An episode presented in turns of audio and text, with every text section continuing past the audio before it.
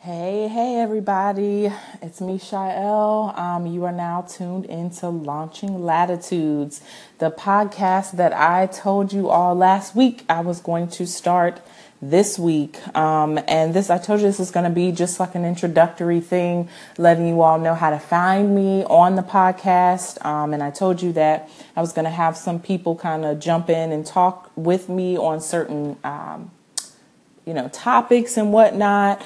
Um, and also to just kind of piggyback on the weekly messages or inspirational messages I push out on Sundays, uh, which I'm about to go to and do in just a second. But I just kind of wanted to push this out um, and let you guys know how to find me here, um, find my podcast, and every week do the same thing and kind of talk to you. Um, about um, you know what's going on what's new what i've learned what i'm trying to bring to the table what i want you guys to get out of the coaching that i'm doing the inspirational messages. So um, again that's that's basically what i wanted to do to introduce this to you guys. Um, i will be naming the podcast launching latitudes. And like i was telling you before the reason behind that name it came to me kind of suddenly one day when i was thinking about the book title and, and what I would want a podcast to be and what I want my platform to say. Um, and I broke it up into two parts. So, launching, of course, means to get something done, to get something moving, to launch something, the actual action. And one definition of latitude is a freedom or scope of action of thought. So, I put those two together. You're launching your freedom to think a certain way, to take an action to do what it is that you want to do, what you feel you're called to do, or what you're trying to find out you're called to do, your purpose in life, uh, which is, I, you know, what I believe, and most of the people who know me believe. Um, that everyone does have a purpose, a calling, and, and my job is to create a platform to help you try and do that.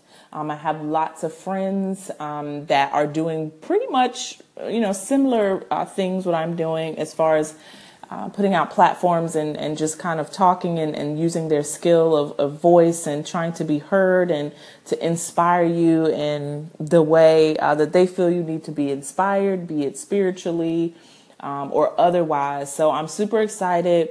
Um, next week, hopefully, I'll have somebody kind of jumping in and speaking with me. That is my plan. If not, it will just be me. But just real quick, what I'm actually going to talk to on my inspirational message when I go live in just a few is just about uh, forgiveness and kind of mesh that in with the my pastor's message today about the power of the tongue. So I try to take, and as I told you all before, I try to take my message and what I'm trying to speak out and what I feel I was led to speak and then also what I learned from church or other inspirational speakers or some of my girlfriends or whomever I'm around.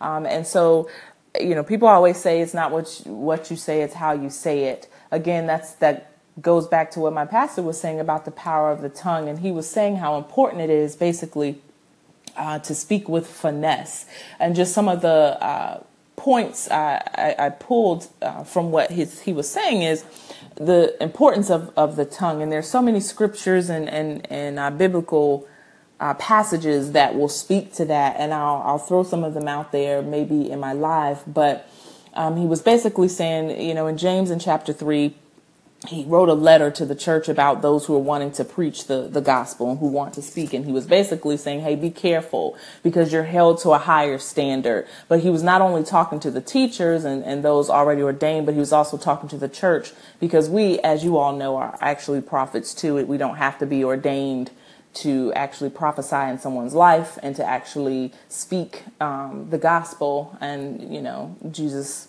shows us that all throughout the Bible. If you didn't know that, you are also a priest. But that's a message for a whole nother time.